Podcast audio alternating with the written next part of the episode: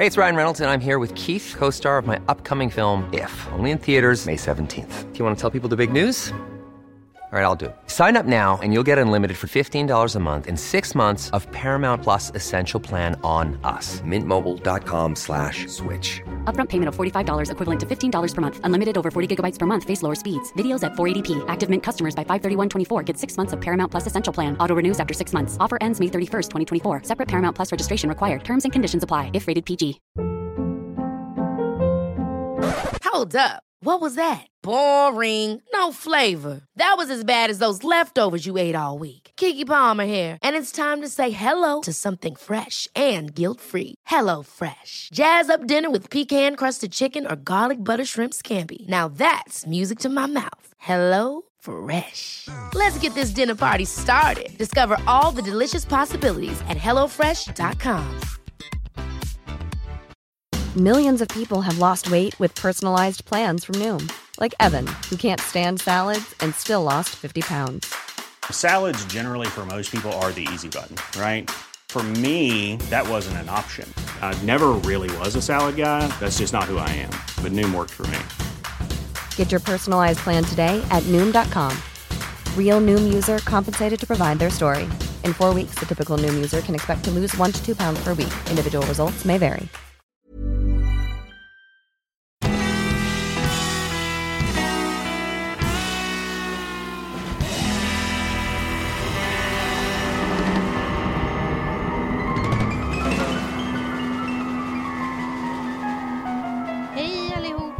Välkomna tillbaka till ett nytt avsnitt av Ståpäls. Det är fortfarande jag, Ida, Och Lukas.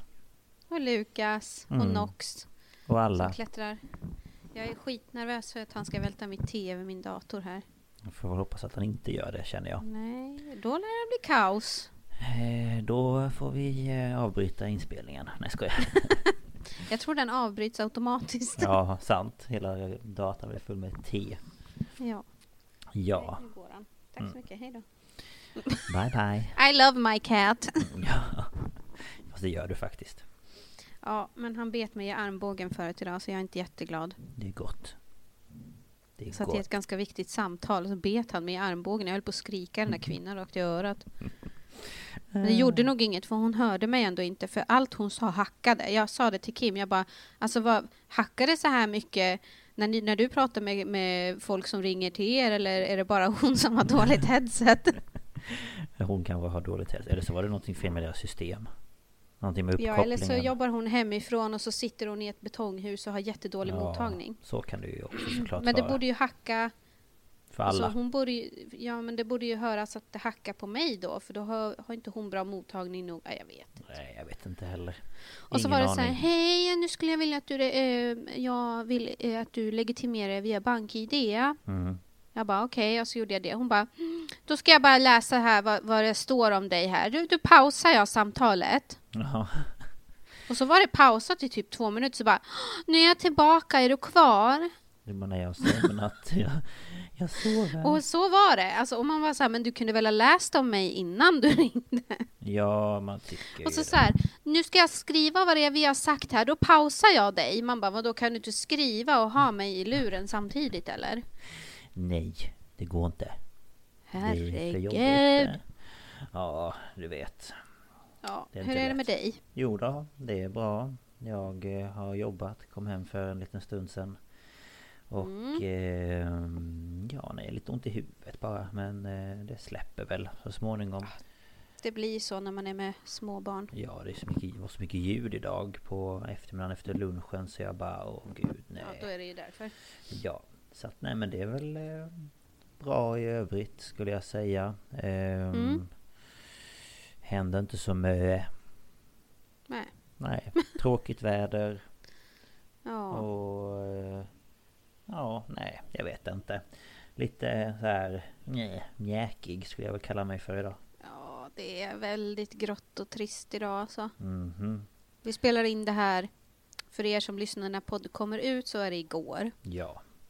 Onsdag. att, eh, Och eh, ja, nej jag vet inte. Det, det är väl som det är skulle jag väl säga. Men eh, ja, förhoppningsvis så blir december lite ljusare. Ja, vi får hoppas på det. Men det är så mycket nu med, med Corona och jobb och... Ja, nej jag vet inte. Ja. Det är tråkigt. Man kan inte göra Vi spelar ju för. vi spelar ju in på distans den här veckan igen. Ja, vi kände väl Eftersom jag inte ska åka så mycket kollektivtrafik. Nu har jag gjort det den här veckan ändå, men det har varit specialgrejer. Eh. Ja, det var ett specialtillfällen. Och, Ja. och eh, jag har en annan mick idag så jag hoppas och ber att det ska vara bättre ljud. Eh, Ja. För att, eh, ja, eh, det var ju lite katastrof förra veckan. Ja, Ehm. men åh, det var jättetråkigt. Men Men, vi hoppas att det gick bra. Ja, jag hoppas det att ni kanske hörde något ord jag sa i slutet. Jag har satt en strumpa på min mikrofon för jag tyckte det blev lite väl puffigt ett Mm. tag. Så jag hoppas att det är lite bättre. Annars så lär jag väl märka det och så får jag sätta på en till strumpa nästa gång. Jag har tyvärr ingen sån här död katt till de här mikrofonerna så att Nej, jag får jag hitta på ju, själv. Jag har ju en en död katt på just nu. Det är det man kallar de här stora håriga sakerna man sätter på mikrofonerna för att de ska eh, Inte ta ut massa vind. vind och...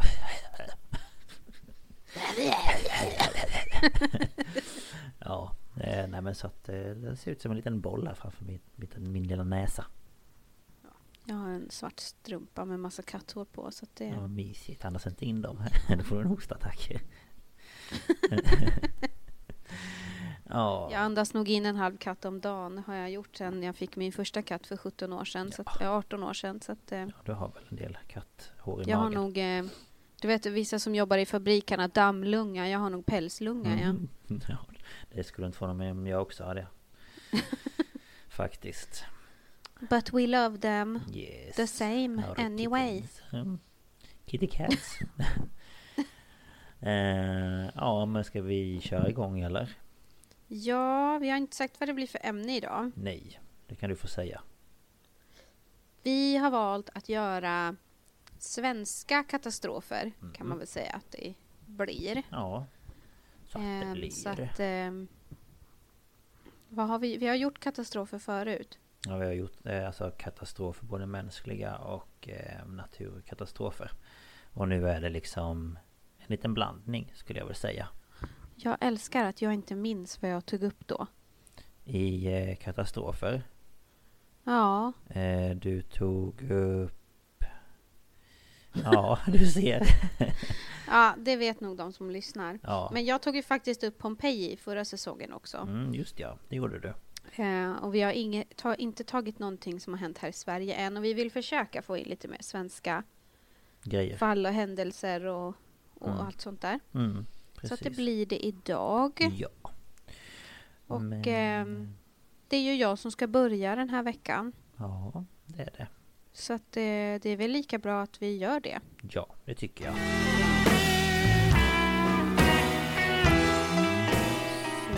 Så, nu har vi... Eh, jag har tagit en liten eh, tedrickarpaus på 50 sekunder ungefär. Mm. Eh, så nu är halsen varm och redo att prata länge. För alltså, idag igen, den här veckan igen, kommer det bli långt. Det kommer bli långt, ja. Det är bara så det blir, för att det här är intressanta saker och eh, man vill ta med så mycket som möjligt.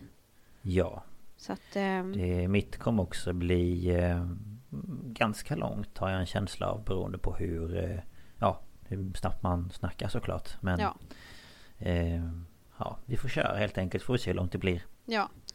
Jag ska prata om diskoteksbranden i Göteborg. Göteborg. Är det någonting som du har något minne av? Ehm, ja, alltså jag har ju hört det till och från liksom så här, både på någon podd och sen har man ju sett det i nyheterna och Mm. ja. Så jo, men jag är lite osäker på vilket år det var men det lär du väl ta upp tänker jag. Ja. Jag minns det här. Eh, Mm. Jag minns att det var på nyheterna och ja, det, det pratades ju väldigt mycket om det för att det var en sån stor tragedi. Så att, eh, Mm. jag minns att se så här, eh, klippbilder och grejer på typ eh, Rapport och sånt där. Mm. Så tänkte jag innan jag börjar så säga vilka källor jag har haft. Och jag har använt eh, P3 Dokumentär. För Mhm. de är alltid så jäkla bra. Ja, de är ju det. Eh, och sen har jag kollat på Wikipedia för att jag vet att Wikipedia inte är en tillförlitlig källa. Men de lägger upp det så himla bra liksom i tidsordning. Mm. Så man får en så bra överblick. Och sen så har jag ju då lyssnat på P3 Dokumentär och ser någonting som de säger där som inte står på som inte stämmer överens med det som är på Wikipedia så tar jag informationen från P3 Dokumentär. Ja, ja, men precis. Och sen så har jag läst en eh, artikel på Expressen och en krönika på Expressen. Mm. På Expressen.se. Jag har inte köpt eller varit och letat i något arkiv. Arkiv. Det var jag ska leta i arkivet. Det finns ju på Carolina Rediviva där högst upp. Men Det kan jag tänka mig att det finns. jag åker inte dit för det här. Det är eh, inte värt det. Nej. Men Nej. Eh, då kör jag igång. Yes. Diskoteksbranden i Göteborg, även kallad Backabranden, var en brand som in- inträffade natten mellan torsdagen den 29 och fredagen den 30 oktober 1998. Så då var jag sex. Och jag var åtta. Ja, så att vi är ändå gamla nog och ändå ha några slags eh, minnesbilder om vi då satt framför tvn när det var nyheter eller sådär. Ja men såklart. Ja. Jag minns inte om de tog upp det någonting i skolan. Jag tror inte de tar upp det med sexåringar. Men De bara nu små barn ska vi ha Vi en liten samling här. vi hade inte börjat med det här. Hade ni det här veckoquizet, vad heter det, Faktuellt? Ja, vi hade ju vad, het, vad kallades det? Nutidsorientering.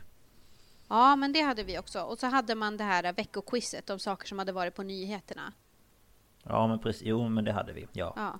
Så det kan ha varit med där. Kan ha varit. Om ja. vi hade det i sexårsgruppen eller förskoleklass. Skitsamma. Ja. I don't know. Branden uppstod i en lokal vid, back, vid Backaplan. Jag vill säga Backaplan hela tiden. Backaplan. Det, det var för jag pratade om Le Bataclan. Ja just ja. Backaplan. sak. Tror jag att man säger. Ja, Backaplan. Man kan väl inte säga back, Backaplan? Vad är det för svensk dialekt? Backaplan. Alltså det finns säkert någonstans där man säger så. Alldeles säkert. Men det var på Hisingen i Göteborg. Mm. Och jag tänker mig att de säger Backaplan eller någonting. Ja, kanske. Så då, nu, strunt samma, nu fastnar jag i små saker. Ja. Men ett diskotek hade i alla fall arrangerats där och cirka 375 ungdomar i åldern 12 till 25 befann sig i lokalen som var godkänd för 150 personer enligt gällande regelverk. Mhm. Eh, byggnaden där lokalen ligger på Herkulesgatan 1 härstammar från 1940-talet och ingick då i ett industriområde. Mm, Det är väl okej. ganska vanligt på Hisingen tror jag. Eh, I don't know. Jag är inte så Jag- bra på Jag Göteborg. tror nämligen att typ SVT och sånt har så inspelningsstudios på Hisingen, men jag är inte säker. Mm, det kan de säkert ha. Så att det känns som ett sånt eh, område. Område. Ja. Eh, bygglov för den här lokalen beviljades i april 1940 för en tvåvåningsbyggnad med mellanplan och den byggdes i murtegel. Och sen beviljades bygglov för en tillbyggnad i juni 1950 och den övre delen kom att tjäna som biljardrum och toalettanläggning till den här festlokalen. Okej. Så liksom basen är 40, tillbyggnaden är 50. Mm, jag förstår. Eh, Efter att den här industriverksamheten lades ner så har det skett några till och ombyggnader med början på 80-talet. Mm. Och i januari 90 så beviljades bygglov för, för att man skulle bygga om lokalen till en föreningslokal. Och det hände då under, under 90. Mm. Så eh, det hade inte varit en, en föreningslokal så himla länge när det här hände. Nej, jag förstår. Eh, utrymningsvägarna var två dörrar som vette mot varsitt trapphus. Och eh, dörröppningsbredden för de här dörrarna var eh, runt 90 centimeter. Jag tror att det är som en standarddörr, Okej. inomhusdörr. Mm. Och eh, trappornas bredd var cirka 1,4 meter. Mhm. Ett av de här trapphusen betecknades som nödutrymningsväg och den andra som huvudentré. Men båda var skyltade med såna här eh, gröna nödutrymningsskyltar. Mm. Och eh, enligt gällande regel när man ansökte om bygglov var största tillåtna antalet personer i den lokalen 150 eftersom de här dörrarna inte var så breda. Nej, just det. Eh, hade båda dörrarna haft en fri öppningsbredd på minst 1,2 meter, alltså 30 centimeter till, så skulle 360 personer ha fått varit i lokalen. Mhm. Vilket fortfarande är för lite med tanke på att de var 375. Men, ja. Ja, jo.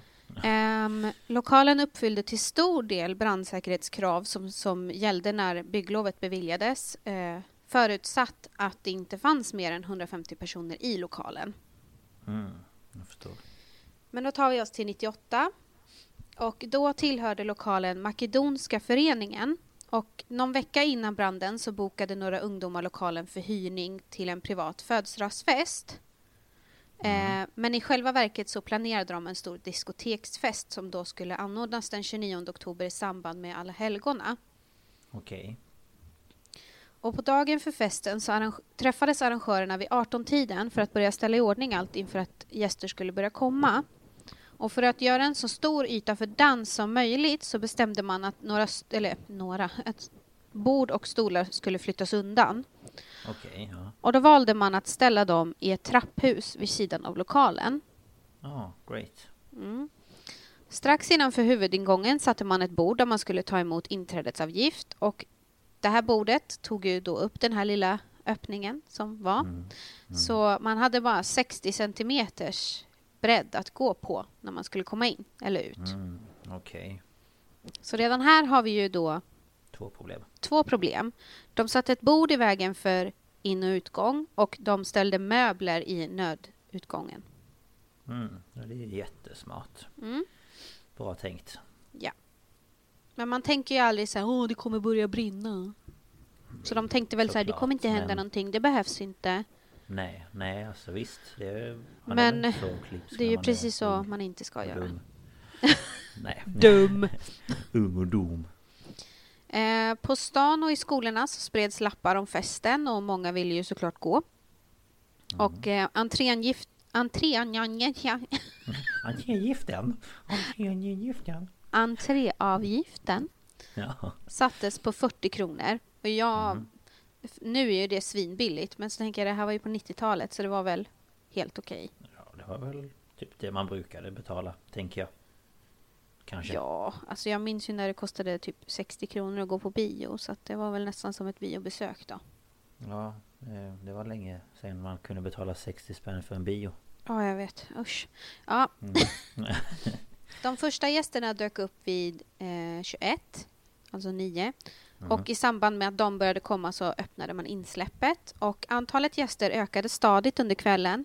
Och från cirka 21.30 till 22.15 ökade antalet från 50 till 150. Oj. Så alltså på 45 minuter så kom 100 pers. Ja. Och vid 23 så var det väldigt trångt, eh, trångt in i lokalen. Mm. Och enligt polisens förhörsprotokoll så framgår det att 398 personer befann sig på festen och minst 372 av dem var inne i själva danslokalen. Oj jäklar. Den här hade alltså plats för max 150. Det är ju... Det är ju mer än dubbelt så många. Mm. Ehm, ja. Det är typ eh, två och en halv gånger så mycket. Mm. Ja, det är ju galet egentligen. Men ja, ja. Kids, ha? Jag skojar. Mm, jag känner det. Ursäkta, jag måste bara ta en klunk te här. För min röst, i halsen eller? jag vet inte vad som händer. Jag har inte pratat så mycket idag. Nej. Då blir det så. Ehm, De första tecknen på brand kom runt 23.30 eh, för att några gäster som satt vid sidan av liksom scenen tyckte att det luktade brandrök. Och eh, de kontaktade då en DJ, DJ, hur fan uttalade jag det? En DJ. En DJ, En DJ. en diskjockey.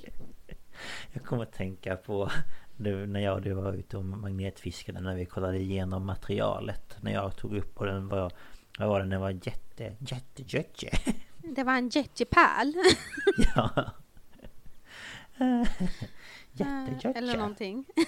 Jag tror det var någonting med gyttja. Ja, han sa det väldigt roligt. Inte Det som hans dialekt brukar låta kan man säga. Nej, nej, jag lät amerikansk typ. Men de tog i alla fall kontakt med en DJ Mm. Och tillsammans så kollade de runt och kom fram till att det nog bara var rökmaskinen. Mm. Eh, och de, de kan ju lukta lite, inte bränt tycker inte jag, men lite torrt liksom. Det luktar liksom torr rök typ. Nej, Ja. Men, ja, det är svårt. Men efter bara med några minuter så var de så här, nej men det luktar verkligen brandrök. Mm. Eh, så de bad honom kolla igen och då skulle han öppna den här dörren till nödutgången, alltså den här trapphuset då.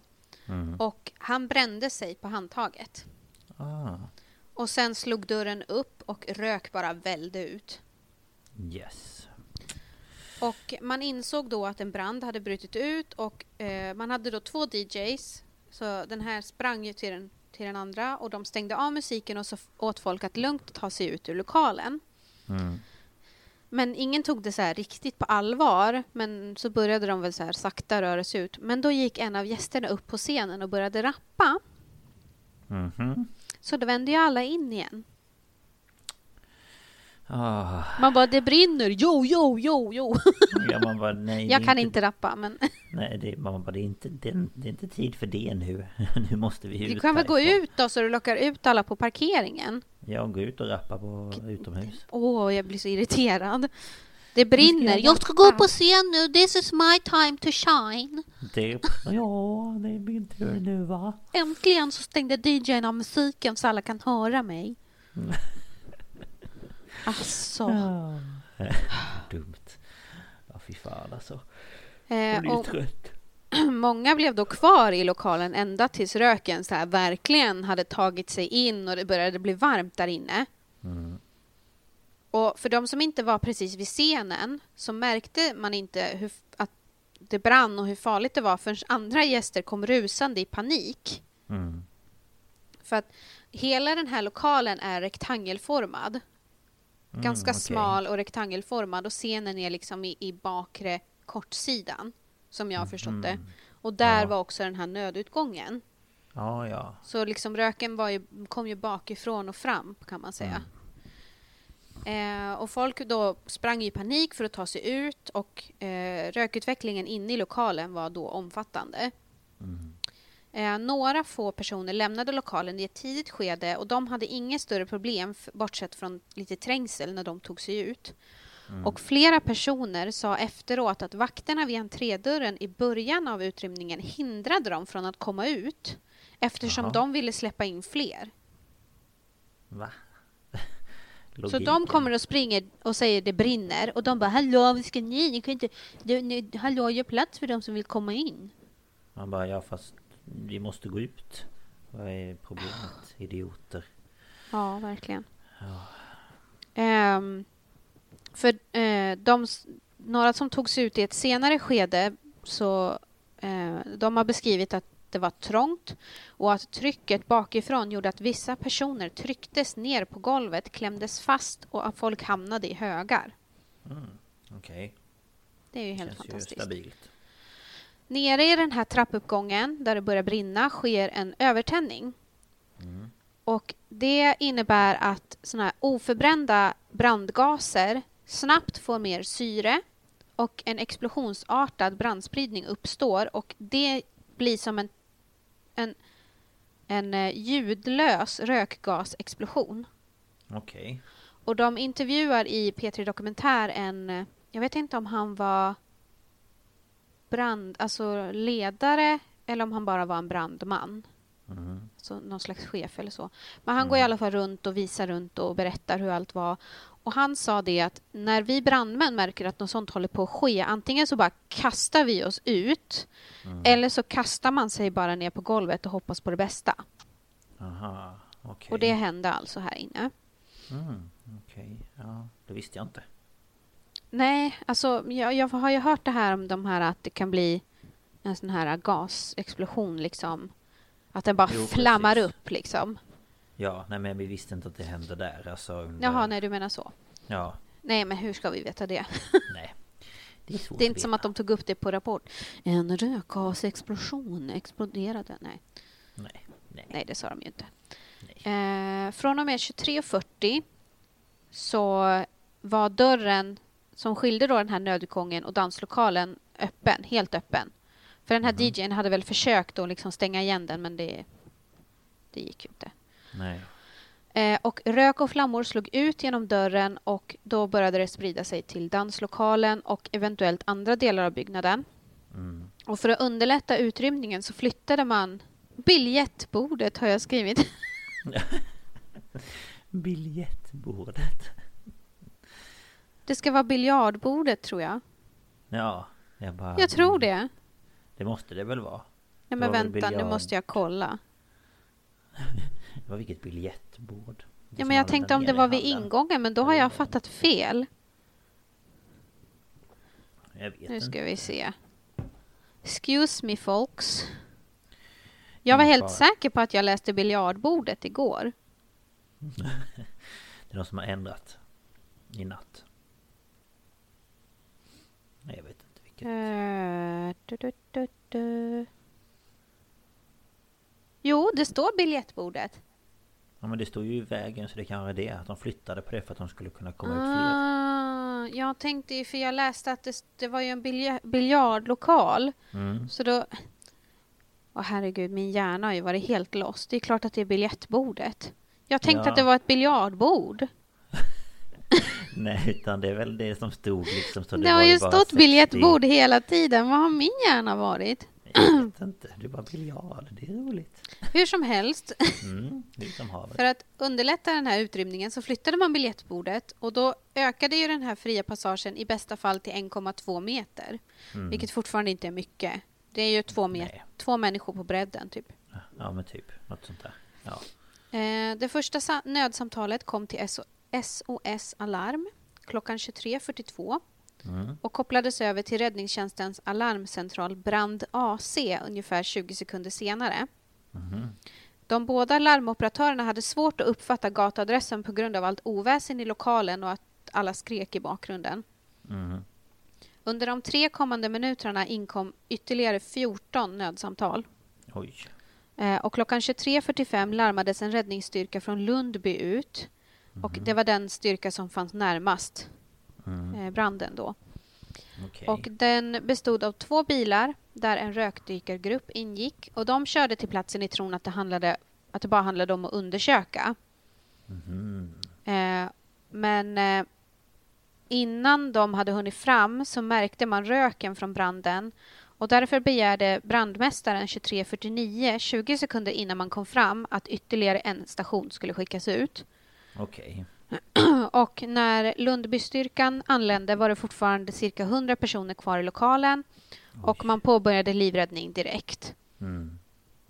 Eh, rökdykarna kunde inte ta sig in i själva lokalen förrän proppen av människor vid ingångsdörren hade lösts upp. Mm.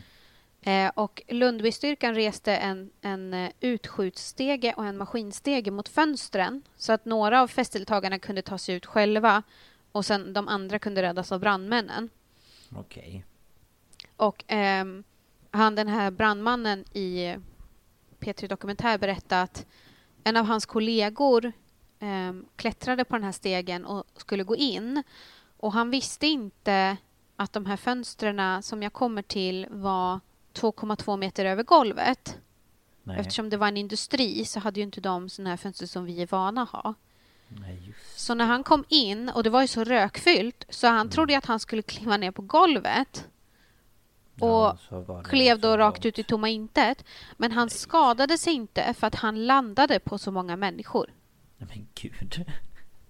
För att alla låg ju där. Ja usch. Jag sitter och Det är helt det galet. bara så galet konstigt. Ja. Ja det är man ju inte beredd på kanske när man kommer där. Och så är man lite stressad och så ska man ta sig in och så bara oj det var visst två meter ner till marken. Ja. Alltså nu måste jag kolla för nu står det biljardbord här. Jag kommer till det. Så nu ska jag söka. Mm. Det bara vilket bord är det nu vi skulle... Nej, det ska nog vara biljett. Okej. Det är nog min hjärna som bara puff, Fast- Har bye. skrivit eh, biljard. Eh, vart var jag någonstans? Jo, eh, efter att cirka 150 personer hade hunnit komma ut hamnade det här biljettbordet framför dörren Mm. och därmed blockerades utrymningsvägen. Man vet inte riktigt hur. Nej, nej. Men det fick ju till följd att det blev stopp och cirka 20 personer trycktes samman, trycktes samman i en hög vid dörren. Mm. Okej. Eh, några av personerna som fann, befann sig utanför försökte dra dem innanför u, ut ur högen då som bara blev, det blev ju bara fler och fler för folk kom ju hela tiden bakifrån. Så man försökte dra ut dem men det, det var svårt. Ja. det Eh, för man vill ju inte liksom bara slita i någon heller. Nej, såklart. Eh, men den här flaskhalsen löstes inte upp förrän någon gång mellan midnatt och kvart över tolv. Liksom. Mm. Ehm, och andra på diskoteket krossade ju då de här fönstren för att kunna ta sig ut. Men som jag sa, underka- underkanten på fönstren låg cirka 2,2 meter över golvet. Och ett hopp från fönstren ner till marken under innebar ett fall på 56 meter. Oj. Ja, det Eftersom det var ju ändå en övervåning. Så, och jag menar, det. 5-6 meter, det kan du skada dig fruktansvärt på. Ja, alltså... Det är ju liksom... eh, Jag tänker om jag kollar ner från mitt fönster ner på marken här nu där jag Mm. sitter. Det är ju högt. Mm. Eh, Och jag bor ju på andra våningen. Mm. Eller? Ja, det gör det ju. Ja, Det gör där. ju jag också. Ja, just det, ja, precis. Tänkte jag rätt. Och det här var ju för att lokalen var ett industrilokal från början. Mm. Och ehm, för att nå de här fönstren så klättrade ju folk upp på möbler men även så klättrade man på andra personer för att ta Mm. sig upp. Mm. För det är ju sån panik. Ja, alltså man vill ju bara ta sig ut. Ja. Eh, enligt då gällande bestämmelser i Göteborg, Mölndal, Kungsbacka skulle vid brand i samlingslokal två stationer tillsammans med extra höjdfordon och två ambulanser skickas ut. Mhm. Så att det liksom skulle bli två stationer, extra höjdfordon och två ambulanser i ett svep. Liksom. Tjoff ut allihopa. Okej. Men det gjorde man inte för att operatören på räddningstjänstens egna al- alarmcentral insåg inte att det var en, en samlingslokal som brann. För att det var ju ett industriområde och det var ingen som sa det. Liksom, den informationen kom aldrig fram. Nej, nej. Och när den första styrkan från Gårda anlände 2357 så hade man också då larmat ut resterande av dem från Gårda. Okej. Eh, och en vakthavande brandingenjör och en ledningsoperatör hade på eget initiativ ryckt ut. Mm. Och nu hade branden spridit sig till Backa teater som då låg intill. Och 23.57 så utlöstes deras automatiska brandlarm. Och eh, klockan 00.02 så beordrade Gårdastyrkans brandmästare att ni ska ta hit så mycket ni kan. Sa Okej. han till eh, centralen då. Ja, ja, ja. Och trots detta så skickades inga ytterligare resurser ut förrän 13 minuter över 12. Oj. Ja, Så det tog vara glad 11 för. minuter innan man gjorde det. Ja, på 11 minuter då hinner det brinna mycket. Mm. Och mellan 00.13 och 01.09 larmade styrkor ut från ytterligare fyra brandstationer och de här anlände i omgångar mellan 00.22 och 01.26. Så under Okej. dryga timmen då. Mm. Eh, livräddningsinsatsen pågick till cirka 00.30 och sen konstaterade man att eh, det gick inte att rädda fler in i lokalen. Nej, okej. Ehm, men under det här eh, skedet då så lyckades 15 brandmän, varav 11 var rökdykare, få ut mellan 60 och 70 personer från lokalerna. Ja, det var ju ändå... Det var ju ändå en del. Ja, och han sa ju det att det, det känns ju bra idag, men när vi åkte därifrån då så kändes det som att det var ju bara skit. Det var ju Ja, skitdåligt. såklart. Alltså, oj, pang. Det var bordsbenet.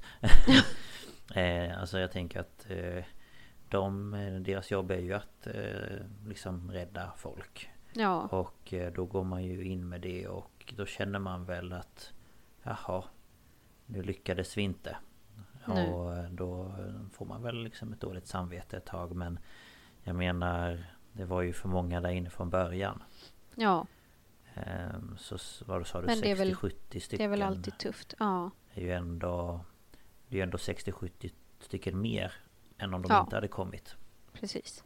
Ja, så ja Ja, jag förstår dem ändå Men det, det, ja. Efter att livräddningsarbetet hade avslutats så påbörjade man släckningsarbetet. Mm. Och först två minuter över två på natten så rapporterades alla brandhärdar vara släckta. Mm. Och därefter tog polisen huvudansvaret för brandplatsen. Och sammanlagt under de båda insatserna så var de 50 brandmän. Okej. Ja, det är Eh, och nu kommer jag då till sjukvård och polis. Mm. Liksom hur larm och sånt i, kom till dem. Mm. Eh, larmet inkom till länskommunikationscentralen på Göteborgs polishus 2347 och vidarebefordrades till polisbilar i Göteborg. Och den första patrullen kom till platsen 2349 precis innan eh, brandkåren kom. Mm. Okej. Och de började då, då rapportera på radion att ungdomar föll eller hoppade ut genom fönstren. Mm. Och eh, tre minuter senare, alltså 23.50, så larmades fyra dubbelpatruller till platsen och inom tio minuter hade sammanlagt 12 patruller anlänt. Så de var ju lite snabbare än, än räddningstjänsten måste jag ju säga. Ja, jag kände det. Men det är väl lite mindre att rodda i. De är ju ofta i sina bilar redan och Ja, Oftast är de väl liksom eh, ja, men påklädda och redo medan en Ja. brandsoldat eller brandman måste ju ja, ta på sig grejer och hoppa in i bilen och Mm. köra iväg och ja. Ehm, en av polisens första åtgärder var att spärra av området och att, att, tillsammans med räddningstjänsten göra ett hål i ett staket bakom en, eller mot en närliggande väg. Mhm. Ehm, och det här gjorde man då runt midnatt.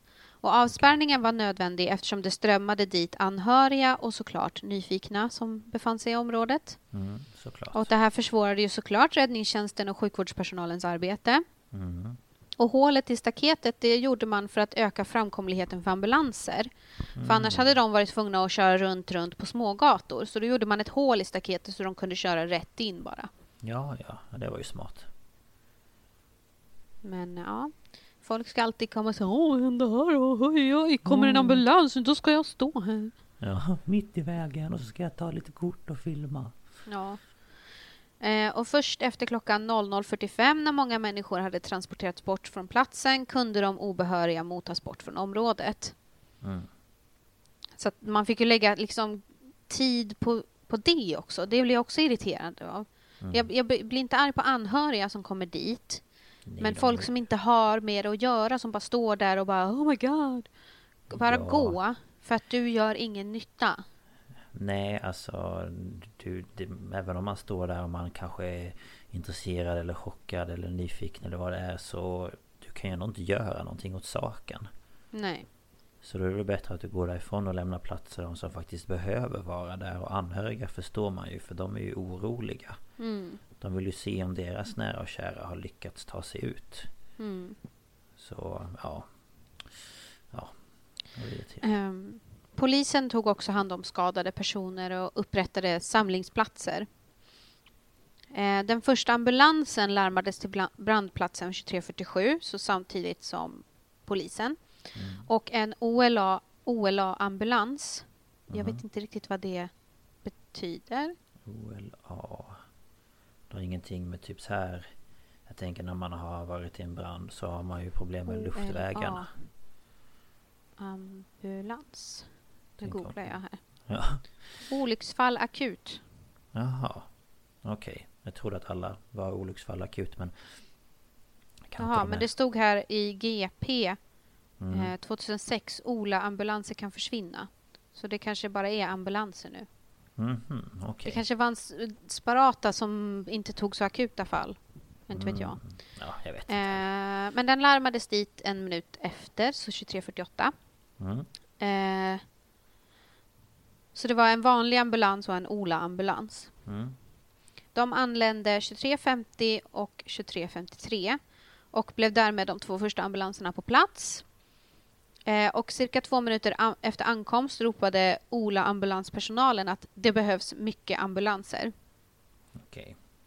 Och 30 minuter efter att det första nödsamtalet inkommit till SOS Alarm hade åtta ambulanser anlänt till platsen.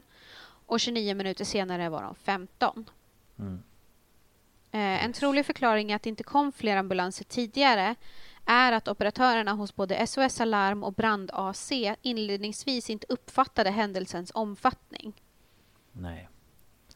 Just för att det är inte så stor lokal, det ska inte vara så mycket folk. Nej, jag vet inte om de liksom... För de vet väl inte vad som hade anordnats där Nej. antar jag. Men Nej, det är ju ingenting som man lämnar in. nej, men de kanske antog att... Eh, de kanske har någonting att de vet på ett ungefär många som kan vistas i en lokal. Mm. Jag vet inte och då... Kan de räknade med det och inte två gånger mer. Mm. Ehm, I det första skedet handlade det om att ta emot och vårda skadade personer.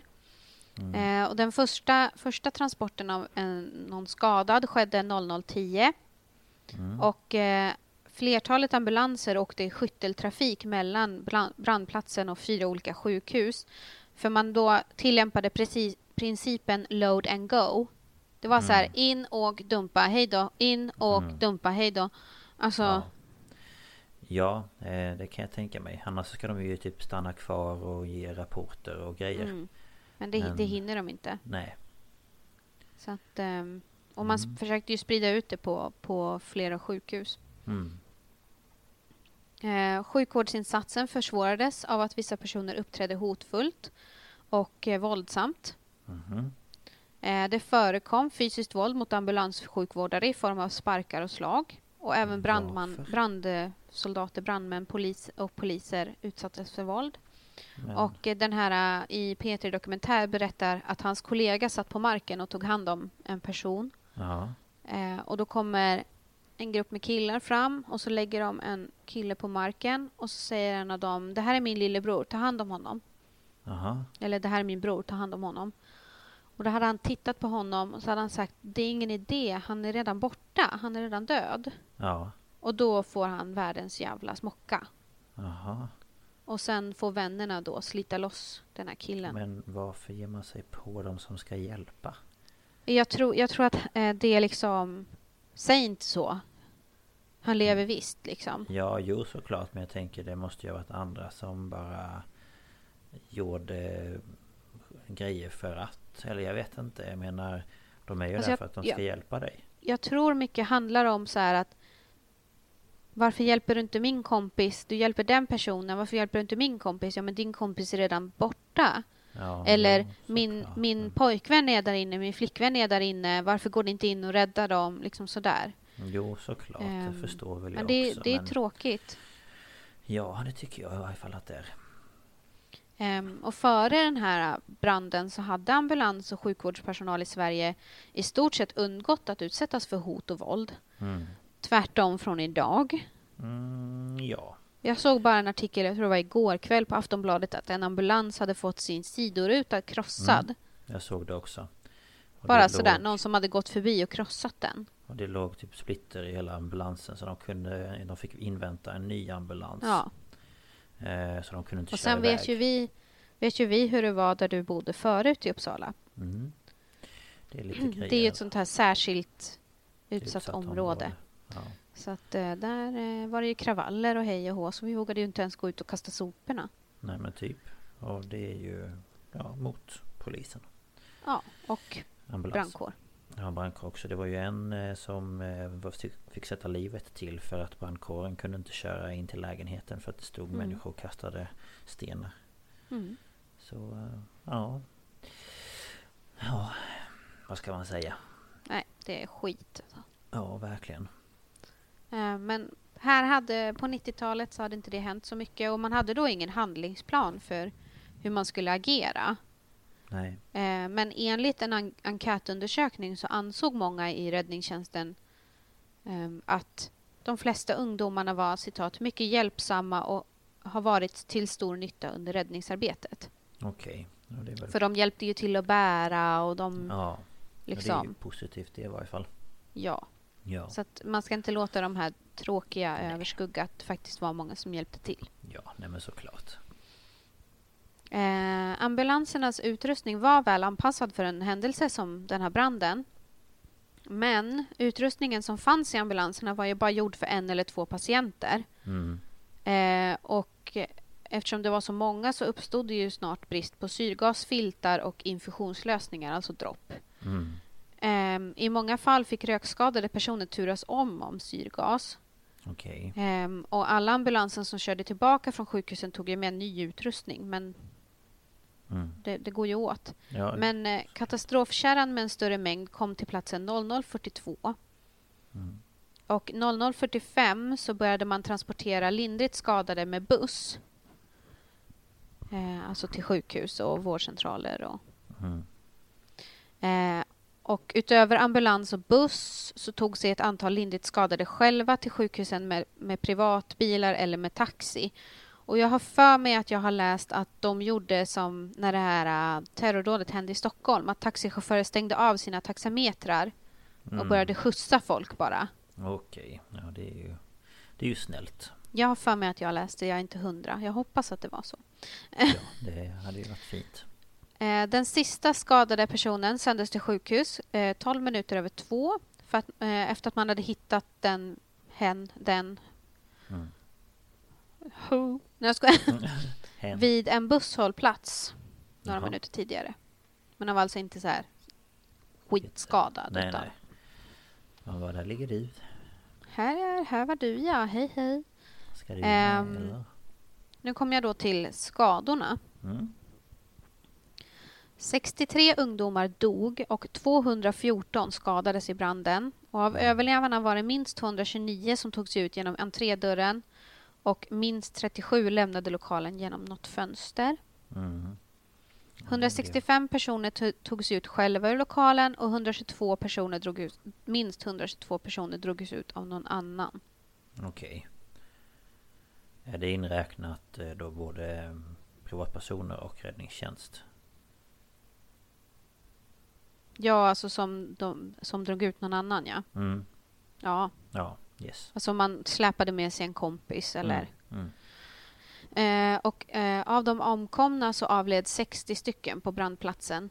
Mhm. Eh, och 150 ungdomar lades in på sjukhus och 74 av dem på intensivvårdsavdelningar. Mm. Och på kvällen den 1 november hade samtliga dittills påträffade kroppar identifierats och alla anhöriga hade underrättats. Men man fastställde antalet avlidna den 3 november efter att en kvinnas kropp påträffats i brandresterna. Okej. Ja, det var en del. Och handtaget i den här trappen där branden började Mm. Eh, vad, vad säger man? Vad, heter det? Det här man håller i sig i trappen. Räcket. Räcket. Ja. Thank you. Det var. Eh, det var i massivt järn. Mm.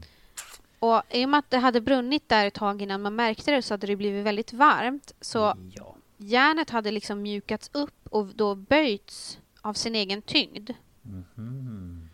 Så det hade ju varit väldigt varmt. Ja, det kan jag tänka mig. Det går ju inte att ta i handtag och sånt när det brinner.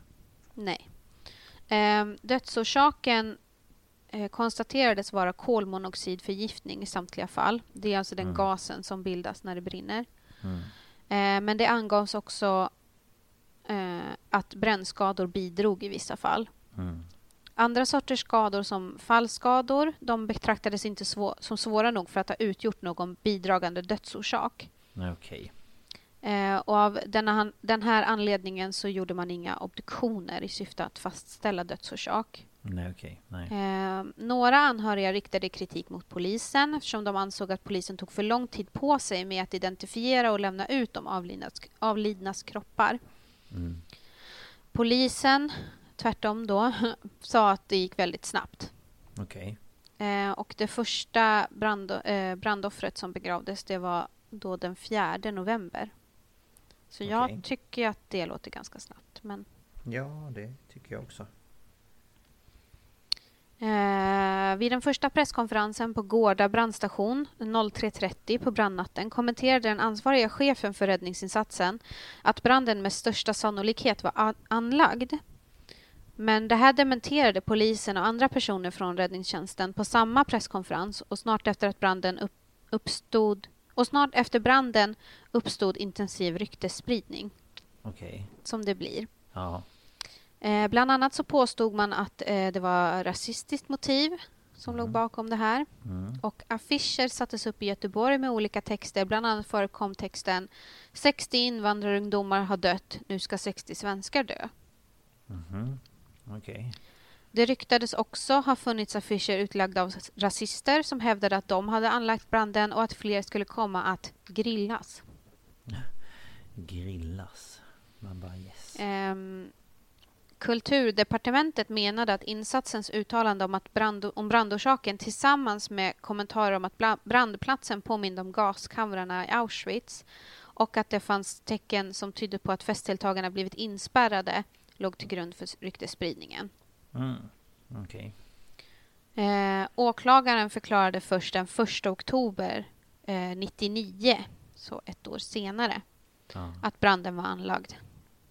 okej. Ehm, och det visade sig att de fyra gärningsmännen själva var invandrare från Iran och tre av dem var tidigare dömda för brott. Men jag kommer till dem senare. Mm. Eh, krisjourer etablerades i alla Göteborgs stadsdelar utom tre. Och den första dagen efter branden hade 30 upprättats och antalet växte till 76 dygnet därpå. Mhm, mm. Och den första november fanns 109 krismottagningar och telefonjourer. Okej. Eh, och kommunstyrelsen bestämde att de skulle vara öppna dygnet runt de närmaste dygnen efter branden. Och kring helgen 17-8 november övergick många till att ha öppet endast dagtid. Mm. Och sen vid mitten av november hade man beslutat att de skulle stängas. Men i de stadsdelar där många drabbade bodde hölls de öppna ända till månadsslutet. Mm. Okej. Och i januari 99 öppnades fem stycken stödcentrum som stod för behandling samt rådgivning och informationsförmedling till drabbade och anhöriga. Mm. Och beslutet att man skulle starta de här togs i november 98 då, i samband med branden där. Eh, som en del av det långsiktiga arbetet eh, efter branden. Och man avvecklade de här i slutet av år 2000. Jaha. Så de var ju ändå öppna ganska länge. Ja. Ja, men det var fint ändå. Ja. Eh, polisen hävde sin avspärrning av brandlokalen i februari 99. Så Mm. efter dryga fyra månader. Mm. Tre, fyra månader, jag vet inte exakt. Nej, det är väl ja, fyra. Ehm, efter att det här hände, då kunde anhöriga och sen andra direkt berörda besöka lokalen om man ville då. Mm. Eh, och regeringen beslutade att delvis täcka kommunens kostnader relaterade till branden och beviljade i april 2000 Göteborgs kommun 90 miljoner kronor. Och i augusti 2000 hade kommunens kostnader uppgått till ungefär 100 miljoner svenska kronor. Okej. Ja. Det är vad det, vad det kostade. Eh, I februari 99 bildade anhöriga till offren eh, föreningen BOA, brandoffrens anhöriga. Mm. Och den här styrelsen skötte kontakten mellan berörda etniska grupper och personer och myndigheter. Mhm. Och föreningen har också till syfte att ge stöd åt drabbade av den här och andra bränder. Och för att kunna anordna en minnestillställning i oktober 2000 beviljade regeringen BOA 80 000 kronor i bidrag. Mhm. Och den här föreningen har bland annat haft kontakt med anhöriga till offren i, i diskoteksbranden i Volendam i Nederländerna Mhm. och erbjudit stöd till anhöriga till offer i tsunamikatastrofen 2004. Jaha. One size fits all seems like a good idea for clothes until you try them on. Same goes for healthcare. That's why United Healthcare offers flexible, budget friendly coverage for medical, vision, dental, and more. Learn more at uh1.com. If you're looking for plump lips that last, you need to know about Juvederm lip fillers. With Juvederm Volbella XC and Juvederm Ultra XC, your lip look, whether it's subtle or bold, can last up to one full year with optimal treatment and no additional maintenance. Find a licensed specialist and see if it's right for you at juvederm.com today. That's J U V E D E R M.com. Add fullness to lips in adults over 21 with Juvederm Volbella XC or Juvederm Ultra XC. Do not use if you have severe allergies or a history of severe allergic reactions, or if you're allergic to lidocaine or the proteins used in Juvederm. Tell your doctor if you have a history of scarring or taking medicines that decrease the body's immune response or that can prolong bleeding. Common side effects include injection site redness, swelling, pain, tenderness, firmness, lumps, bumps, bruising, discoloration, or itching. As with all fillers, there's a rare risk of unintentional injection into a blood vessel, which can cause vision abnormalities, blindness, stroke, temporary scabs, or scarring. For full important safety information, visit juvederm.com. Så att de gör mycket bra. Mm. Och de intervjuar ju ett, en tjej som gick bort och hennes mamma. Mm. som eh, jag tror, tror i alla fall att hon var med i det här. Mm. Eh, under sommaren 2000 så började man röja lokalen från brandrester. Eh, för då eh, började man planera för lokalens återanvändning. Och Okej. man uttryckte önskemål om att den skulle användas som minneslokal Mm. för att då på något sätt komma ungdomar till nytta. Mm. Och man gick, det var ett bra syfte tyckte man, så man restaurerade lokalen till en kostnad av 3 till 4 miljoner kronor. Mhm. Och det här stod kommunen för. Mhm. Och eh, den här renoverade lokalen invigdes på treårsdagen av branden. Och i lokalen finns tillhörigheter från de avlidna tillsammans med bilder på hur det såg ut precis efter branden. Mm. Så att det är ju liksom, som hon visade ju hennes eh, busskort och ID-kort och smycken från folk och, och Ja, sånt där. Mobiltelefoner. Ja, herregud. Nokia 3310. Ja, det var det ju garanterat. Mhm. Det tror jag i varje fall. Eh, räddningstjänsten i Göteborg, överlevande och anhöriga bedriver fortfarande eller bedriver även informationsverksamhet för att få ungdomar att för, förstå hur snabbt en liten brand kan utvecklas och vilka konsekvenser det kan få. Mm. Ehm, så, och skolelever, ungdomsgrupper och ungdomsbrandkårer åker på studiebesök till lokalen eh, och kommunen står för den här lokalens hyreskostnader. Ja, ja. Det är ju, bra. Så det är bra. Verkligen. nu kommer jag till efterspelet här då. Mm. Bara, vad är det, F- 45 minuter in. Japp. Eh, en förundersökning om branden inleddes klockan tre på natten den 30 november. Mm. I början arbetade ungefär 100 poliser med att samla in information. Eh, men det här minskade till ungefär eh, 15 Mhm. efter några veckor. Okej. Mm. Liten minskning sådär. Ja. Eh, polisens tekniska utred- utredning bistods av Elsäkerhetsverket och Statens kriminaltekniska laboratorium. Mhm. Eh, ungefär 1500 personer förhördes vid nästan 2000 förhörstillfällen. Oj. Och den 1 juni 1999 rapporterades att två misstänkta hade gripits men sen släppts på fri fot. Mhm.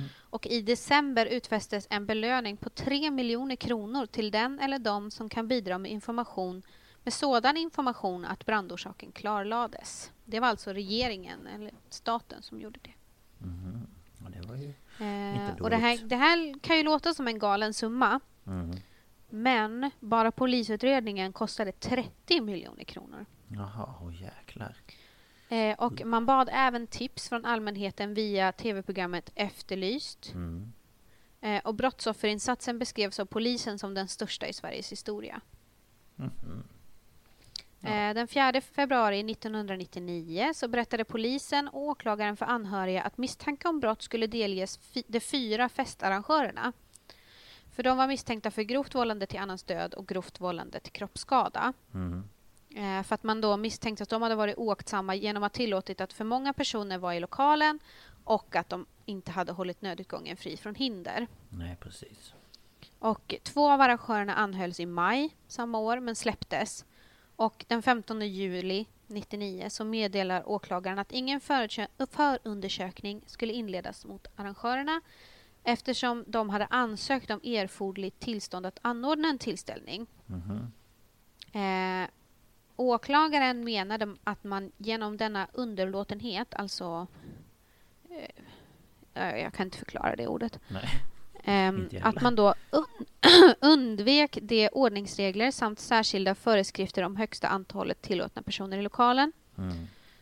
Eh, men man väckte inget åtal. Okej. Eh, I januari 2000 så häktades tre av dem som sedan kom att dömas och i februari häktades den fjärde och man eh, väckte åtal i april. Mhm. Och man eh, inledde rättegången den 3 maj i Svenska mässan Mhm. eh, för att man valde den för att ge plats åt anhöriga och journalister. Ja, såklart. Eh, Thomas Bodström, som sen blev vår justitieminister en sväng, Yes. han var målsägande beträde. Mm.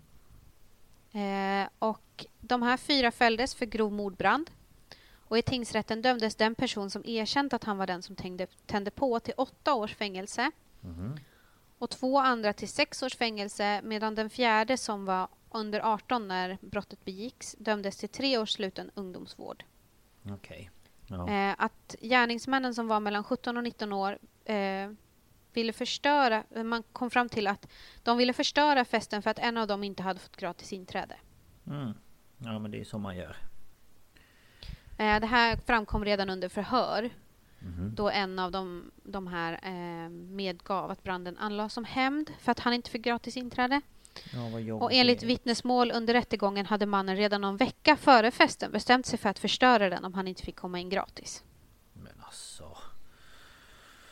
Jävla Ah, idiot. Herre min ge. Man blir för fan gråhårig. Ja. Eh, både försvaret och målsägarna överklagade domen, eller domarna. Mm. Och hovrätten fastställde två av domarna men de ökade två personers straff från sex till sju års fängelse. Mhm. Och domarna fastställdes eh, den 12 oktober 2000 för Högsta domstolen meddelade att de inte avsåg att ta upp fallet. Nej. Och år 2008 så är det bara en av gärningsmännen som fortfarande har kvar sitt namn. Alla andra har bytt. Jaha. För att de var tydligen lever ju under hot och sådär. Ja, såklart. Eh, den person som i pressen kallades för den yngste försvarades av Leif Silbersky. Mhm. Eh, det framgick att de tre övriga utgjorde ett kamratgäng och även om den yngre gärna ville bli vän med två i gänget så var han rädd för den här mannen då som ville förstöra festen. Mm. Och Silbersky tyckte då att han skulle frikännas för han Mm. menade att han hade inget juridiskt ansvar. Nej, såklart. Men hovrätten ansåg att de fyra gemensamt hade kommit överens om att förstöra festen Mm. och att det var därför av citat avgörande betydelse för skuldfrågan att det inte kunnat utredas om det var någon, någon eller några andra än hmm, hmm, som rev papper eller tände i trapphuset. Nej, okej. Ja. Och eh, jag läste då en krönika på Expressen.se skriven av Fredrik Sjöshult den 8 september i år. Mm. Och eh, där kan man läsa att efter rättegångarna så fick sammanlagt 500 brottsoffer, det är alltså offer och anhöriga, Mm. eh, skadestånd av Brottsoffermyndigheten på drygt 10 miljoner kronor. Mhm. Och enligt en sammanställning som gjordes 2011 Ja, det var enligt en sammanställning. Mm. Eh, det handlade om anhöriga till dödsoffren men också skadade och överlevande. Okej. Eh, för de skyldiga till diskoteksbranden summerades den gemensamma skulden till 1,8 miljoner under 2017. För att skulden hade prutats ner eftersom Brottsoffermyndigheten nöjde sig med att de tar de större och mest givna kraven vidare. Mhm. En av de fyra hade också redan sluppit undan betalningskravet eftersom han höll sig undan efter att straffet avtjänats. Okej. Men nu är de dömdas skuld noll. Jaha. I ett tidigare okänt beslut från 2017 som Fredrik då tagit del av har Brottsoffermyndigheten beslutat att inte gå vidare med kraven mot de skyldiga till diskoteksbranden och hela skulden är avskriven. Mhm. En del av förklaringen till beslutet är att skadestånden inte dömdes ut under brottsmålsrättegången men också att citat gärningspersonerna är negativt inställda till att betala och bestrider ansvar. Man bara fast du har gjort en grej. Jaha, okej. Så om jag misshandlar någon och får skadestånd då kan jag säga jag vill inte. Jag Då vill behöver inte jag betala, eller? Pengarna. Det är ju för fan hur dumt som helst. Såklart du ska betala. Du har ju för fan mördat eh, 64 pers eller vad det var. Idiot. Ehm, och deras eh, vägran att betala gör att brotts- Brottsoffermyndigheten skulle behöva gå till domstol för att få skadestånden fastslagna fall efter fall. Mm. Och när Sten, Hå- Sten Håkan, jättefint, Mm, Sten Si- Håkan. Sidio, eller Sidio, Mm. chef på Brottsoffermyndighetens enhet som hanterar krav, får frågan om varför man skrev av skulderna så svarar han citat En sådan process är svår, kostsam och osäker och skulle sannolikt tvingat oss att få aktiv medverkan från ett antal brottsoffer med allt vad det innebär i form av ny traumatisering. Mhm. Ja. Så att, eh, mm, ja, det lär ju kanske inte vara det lättaste heller. Att bestrida en Nej. sån, eh, ett sånt beslut. men ändå. Ja, men ändå. Ja. Ehm, 2008, på Mm. tioårsdagen av branden, så avtäcktes ett minnesmärke i blankpolerad blå norsk granit Mhm. med alla omkomnas namn och ålder ingraverade i guld. Det är Mm. jättefint, jag har kollat på bilder. Ja, Det ska jag kolla på. Eh, det är två meter högt och tio meter långt eh, Mhm. och lite lätt böjt så det är liksom Mm. eh, jag vet inte hur jag ska förklara. Nej, jag förstår. Eh, och det står ju då på Backaplan. Mm. Och det är konstnären Claes Hake som har gjort det. Mhm. Och han valde då blå granit för att undvika att det skulle bli för mörkt. Uh. Och till minnesmärket hör även en upphöjd eh, polerad sten avsedd för blommor och ljus Mm. samt två silverpäronträd som ska påminna om två poppelträd som stod på platsen på brandnatten. Det låter ju fint. Kostnaden för det här minnesmärket var 2 miljoner kronor men det bekostades av Göteborgs kommun efter beslut av kommunfullmäktige. Mm. Mhm. Och I samband med den här minnesceremonin så tågade folk från Gustav Adolfs torg till brandplatsen. Mm. Och ehm, även vid tidigare minnesstunder har det förekommit att man tågat från torget till brandplatsen. Mm. Och som en del av det här tioårsminnet så anordnades flera andra aktiviteter, bland annat konserter och minnesstunder. Mm. Fint. Ja, Väldigt fint. ja, Men hemskt. ja, fy fan. Blä. Ja, vilken resa. En lång resa. Mhm. En lång resa. Men... Eh, Hoppas alla har hållit sig vakna. jo då. Jag är vaken. Men det kändes så svårt att dra ner det här mer. Ja, jag förstår det. Man vill ju ändå få med det som är... Eh, ja, men det är viktigt liksom. Och det här var ju... Det här är ju historia liksom. Mm. Men eh, är fruktansvärt att man kan eh, göra en sån sak bara för att man inte kan betala 40 spänn för att komma in på ett diskotek. Ja, Alltså det är ju... Där har man ju inget konsekvenstänk överhuvudtaget. men de eh, säger ju att de trodde inte att det skulle sprida sig. De trodde typ att det skulle stanna där. Man bara, men hur kunde ni tro det? Det är inte så brand fungerar. Man bara tänder du fyr på ett ställe då sprider det sig. Och det går snabbt. Det Men så tänkte de väl att någon skulle upptäcka det. Man bara, men varför inte bara gå fram till någon och bara, vad dum du är. Ja, Istället för att tända eld på huset. jag fattar inte Alltså, heller. Nej, det, det, nej, Det är liksom... nej, nej, nej, Nej. Gör aldrig detta. nej. Det är väldigt dumt. Idiotiskt och... Ja, det är lätt att vara efterklok kan jag känna. Ja, Men eh, nej usch, ja. Bra, eh, bra eh, researchat tycker jag faktiskt. tack. Mm, mm, Thank you. mm, tack jag. Jag Ja, tror jag har... Ja, tack jag. tror jag har hört Peter Dokumentärs den här... Ja, om den här... Det har du nog gjort. Ja. Men eh, det var intressant att höra det igen. Fräscha upp Mm. minnet lite. Mm. Mm. Ja, det var mycket som kom tillbaka i mitt huvud. Ja, alltså visst jag har ju hört om det och jag har ju sett det och alltså inte sett det som en på, en, på TV och så men eh, eh, Jag kommer inte ihåg alla det är detaljer. någonting som, som finns liksom. Mm.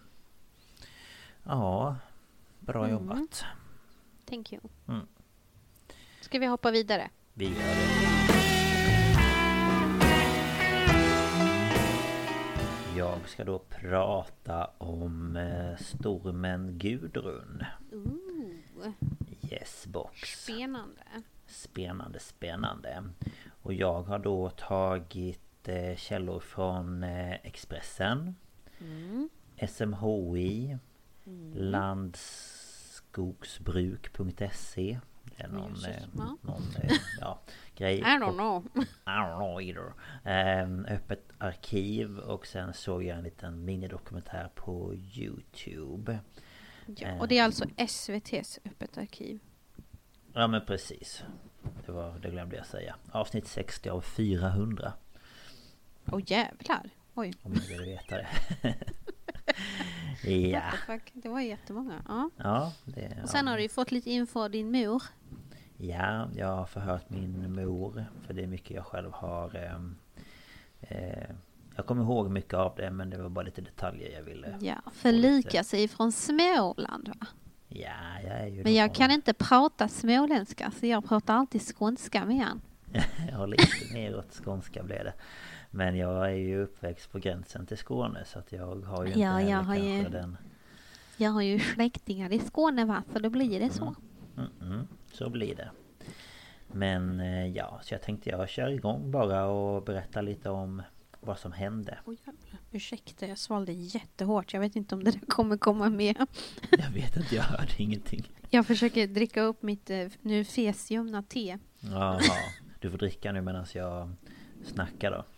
Ja, men jag råkade bara svälja jättehårt så jag ber om ursäkt om det var någon som tyckte det lät äckligt om det kom med. Men gud vad äcklig du är. Gud så äckligt. Ja, som Elinor säger. Ja. Ja.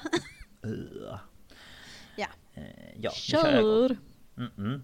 Eh, Den 8 januari 2005 så drar stormen Gudrun in över de södra delarna av Sverige. Och den här nataku... Natakur...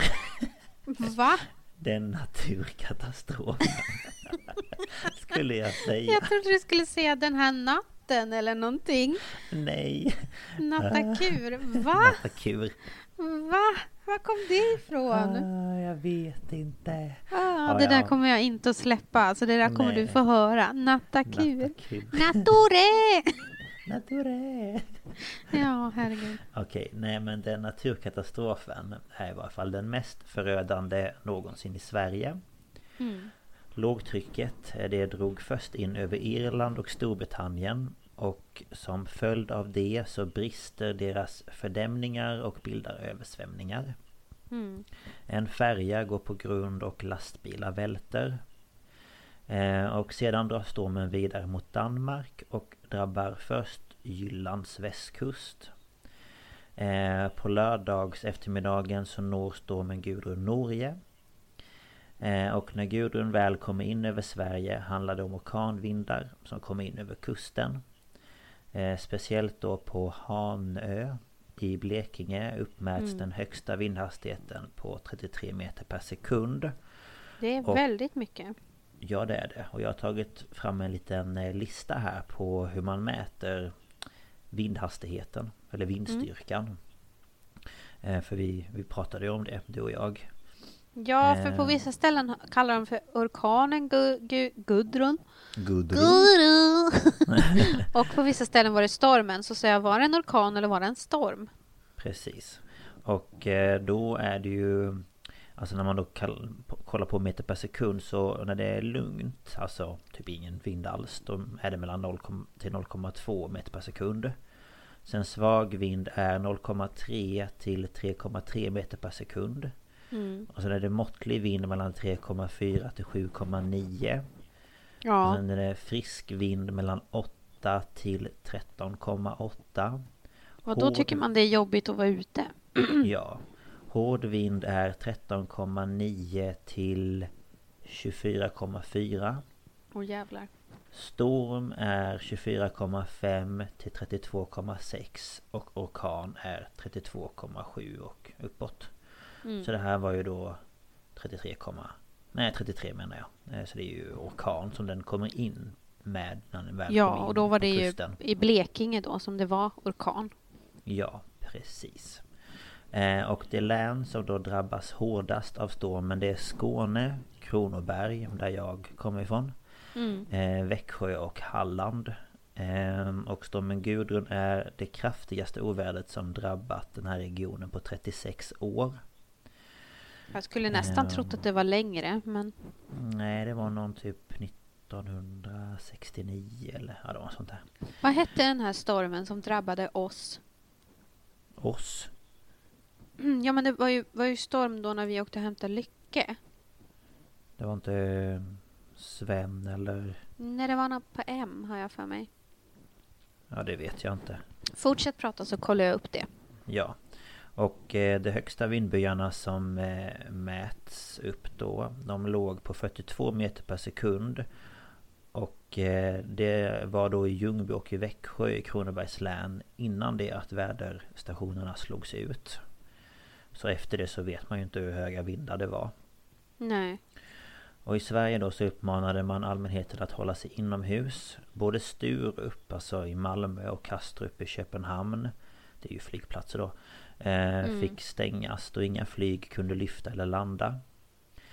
Och även Öresundsförbindelsen, Älvsborgsbron och Uddevallabron fick stängas Och i Malmö så pågick det en elitseriematch i ishockey mellan Malmö och Frölunda Som också fick avbrytas Då taket på ishallen började gunga Mm.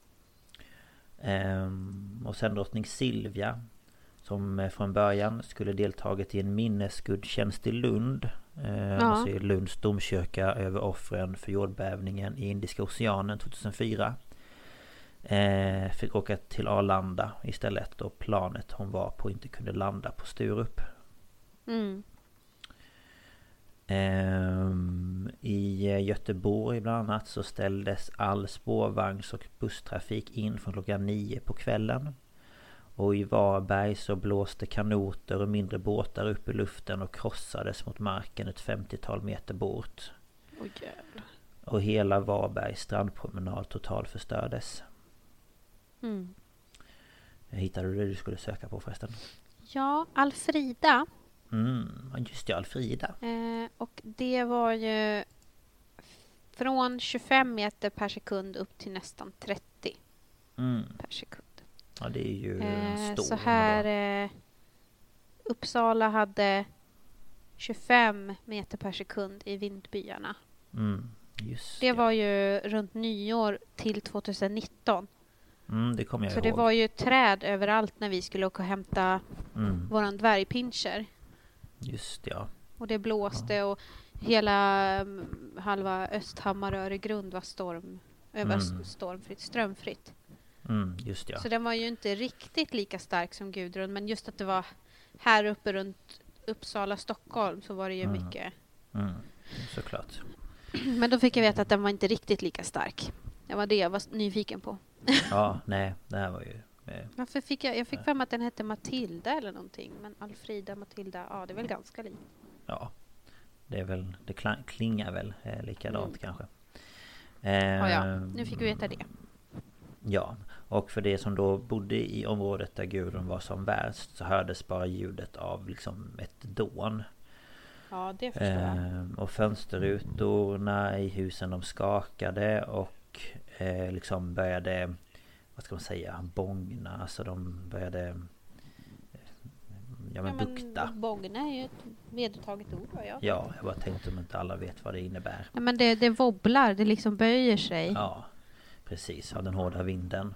Mm. Och, eh, och många då de hör också ett obekant ljud som låter som om någonting som knäpper utanför sina hus. Mhm. Och eh, det kommer man snart förstå att det är ljudet av trästammar som knäcks i vinden. Nej samt gud. det träd som dras upp med rötterna ur marken och välter.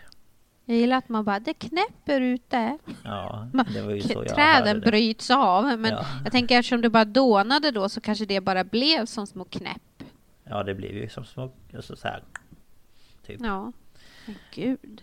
Ehm, och de flesta vägar runt om i Syd och Mellansverige eh, gick det inte att ta sig fram på under lördagskvällen. Och Nej. träd föll ju bara över vägbanorna. Mm. Och när träden trillade så tog de med sig elledningarna. Vilket innebar att all el till husen försvann och eh, Ja. även så slutade telefonerna att fungera. Ja. ja, för det var väl efter det här som man började gräva ner ledningar? Ja, precis. Det stämmer. Just det. Ja, just det. Ja. Jag kommer ihåg E.ON hade väldiga problem där nere. Mm, vi hade ju E.ON. Ja. Ja. Du bara, vi det hade sen. ingen, ingen spis. Nej, vi hade ingen spis. Nej, det hade vi inte. Vi hade ingenting. Ehm, men eh, ja, både räddningstjänst och privatpersoner de riskerade då sina liv och gav sig ut för att börja röja upp på vägbanorna. Mm. Och natten till den 9 januari, alltså söndagen, så var det eh, 415 000 hushåll som inte hade någon el. Mm. Eh, och både Ringhals och Bas Barsebäcks eh, kärnkraftverk fick stoppa sin produktion på grund av eh, flera ledningsbrott kombinerat med att stora mängder salt tagit sig in från havet med vinden. Och det är det man kallar för en saltstorm. Och de här täckte då ställverket vid Ringhals som i sin tur då ökade risken för överlag. Och en saltstorm är helt enkelt ett väderfenomen som uppstår då kraftiga vindar drar med sig salt från havet och in över land. Mm. Och vid stora vindstyrkor så piskas stora mängder skum upp till havs och saltet från skummet förs med vindarna in över landet. Eller över land då. Det blästrar väl nästan. Det är väl som när man Du vet när man blästrar någonting när Ja. man tar bort färg och sånt där. Det måste ju bli liknande fast med salt. Ja men precis, ja typ. Måste ju ha varit så smärtsamt att vara utomhus. Ja, jag, jag var ju inte ute så jag vet inte men det kan jag tänka Men mig. sen, inte, bodde inte du direkt vid, vid kusten heller? Nej, nej, nej Det gud var nej. väl tur det inte. kanske. Ja. Eh, och det här saltet då som fördes in eh, Det orsakade kortslutningar i elektriska installationer. Eh, Så att det gjorde ju att det inte funkade på grund av det också. Mm. Och bara i Götaland eh, så uppskattar man att 75 miljoner kubikmeter skog fälldes. Vilket är lika mycket som en årsavverkning av skog. Mm. Eh, och efter att ha blåst över Gotland så fortsatte ovädret över Östersjön och nådde Estland, södra Finland och Ryssland den 9 januari. Mm. Och eh, då längs riksväg 30 söder om Lammhult heter det Så hänger fällda träd över elledningarna Och klockan hade då blivit åtta på kvällen När en av brandmännen som då kämpade för att göra vägen farbar blir träffad av ett fallande träd Åh. Ehm, Och även räddningstjänstens Dog han då eller? Eh, nej, det kommer här. Nej, okej. Ehm, eh, jag bara, nej. Men även räddningstjänstens kommunikationsradio är ju överbelastad. Mm. Eh, men ett öppet nödanrop gör att ambulansen når platsen 45 minuter senare. Mm. Och brandmannen har då drabbats av flera hjärnblödningar och kommer spendera ett halvår på sjukhus. Åh jösses. Yes. Och de brukar ju ändå ha hjälm och grejer men det står man ju inte emot så mycket om det kommer ett träd. Nej. Så tänkte jag att få, jag tror det var till och med en tall. Tänk få en tall över dig liksom. Ja. Ehm, och sen har jag då hittat lite olika ehm, ja, men, ehm, händelser som hände olika personer då.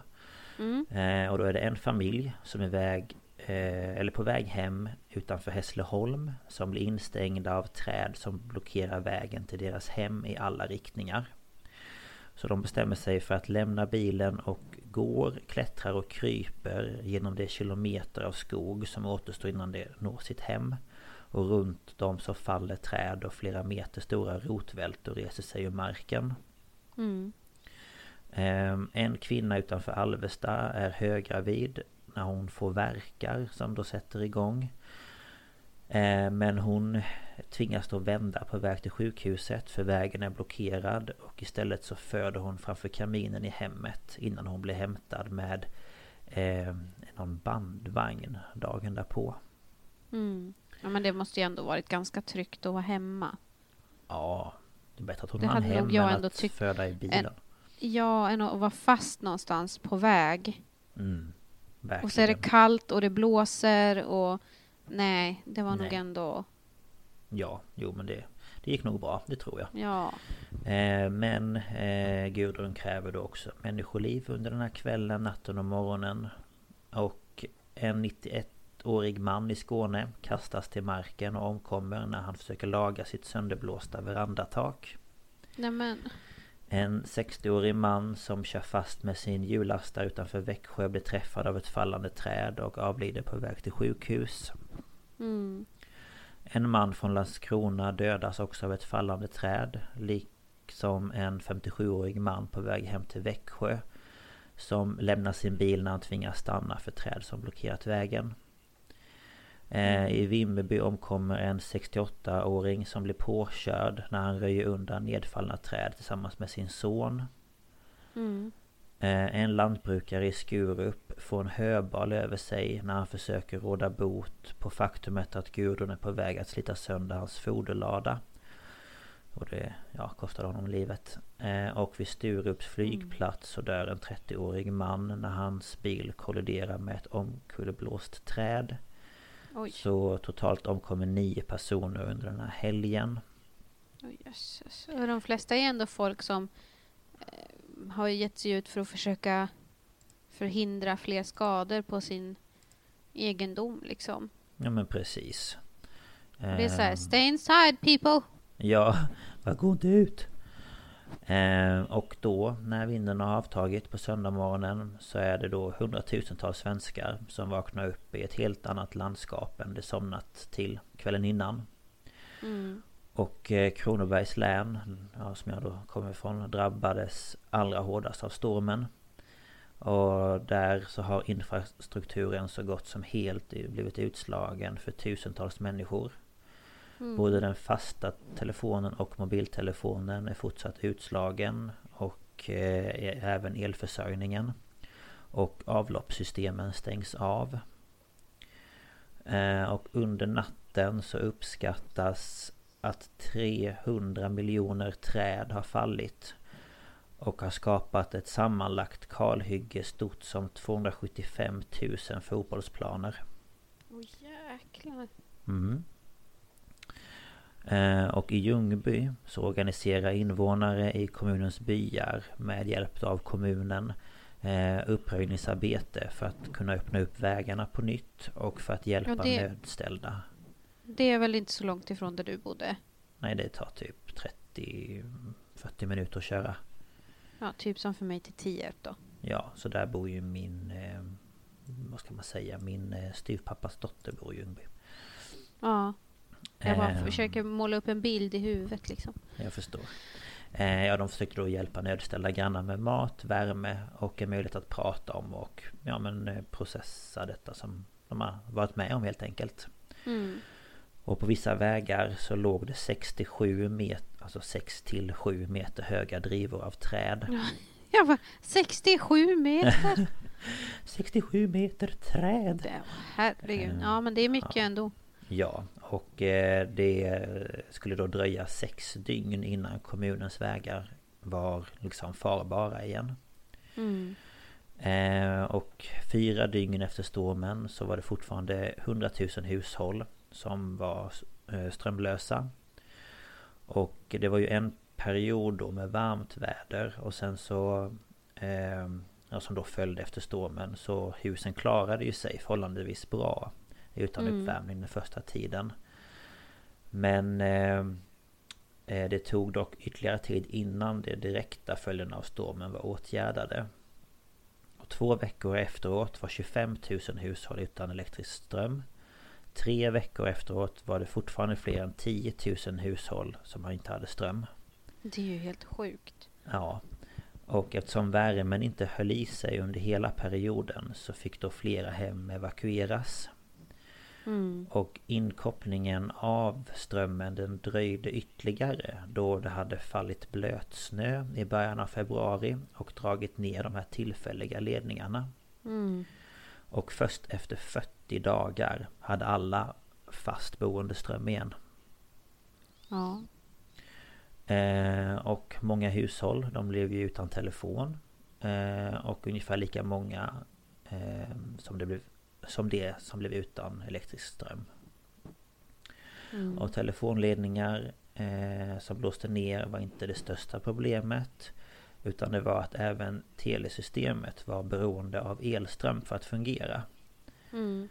Ehm, så följaktligen så drabbades även mobiltelefonsystemet och lämnade stora områden helt utan kommunikation via telefon. Ja. Ehm, Och tågtrafiken drabbades av strömavbrott och nedblåsta ledningar och träd som fallit över spåren. Och det tog ungefär en månad innan trafiken var igång på alla järnvägar igen. Ja men det förstår man ju för de, det är ju inte bara att de ska få upp ledningar och ta den träd utan hela rälsen måste inspekteras. Ja, alltså... Och det är många mil. Ja, det är ju ett stort område tänker jag. Det är ju... Ja, det är, det är mycket till- räls som går åt alla möjliga håll och det måste inspekteras för att annars så kan ju tågen spåra ur. Ja, och det vill man ju gärna undvika. Helst. Helst ja. Ehm, och ehm, ska vi se. Och de här stora mängderna då med fälld skog det utgjorde ju även en stor brandfara. Mm. Så eftersom om en stor skogsbrand då skulle starta så är ju risken väldigt stor att den inte går att hejda. Mm.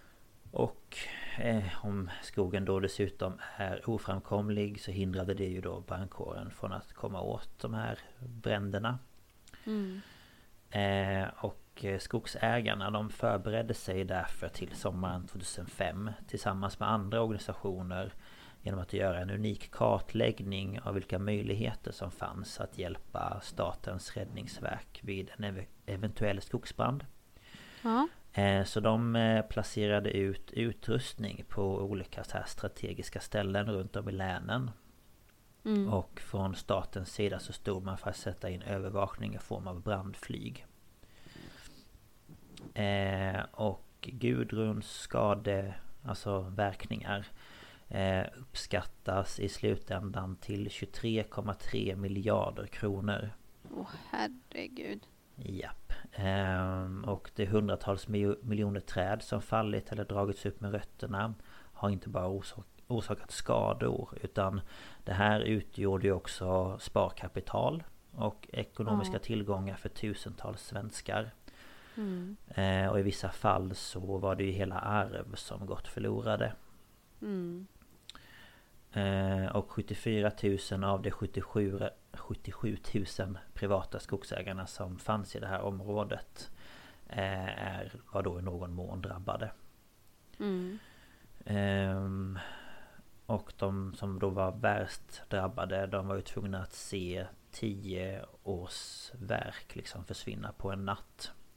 Ja det var inte kul att vara skogsägare då alltså. Nej, fy fasen. Alltså jag såg ju lite så här, ja, men på den här bland annat på Youtube att Ja men tänk liksom att hela din skog är, den är borta. Det finns liksom Ja det kan väl liksom vara deras pension?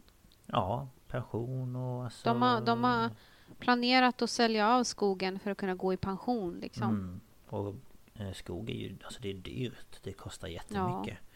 Ja, alltså jag Så... vet ju många, många skogsägare som blev helt förstörda då när Alfrida var här uppe. Så att, mm.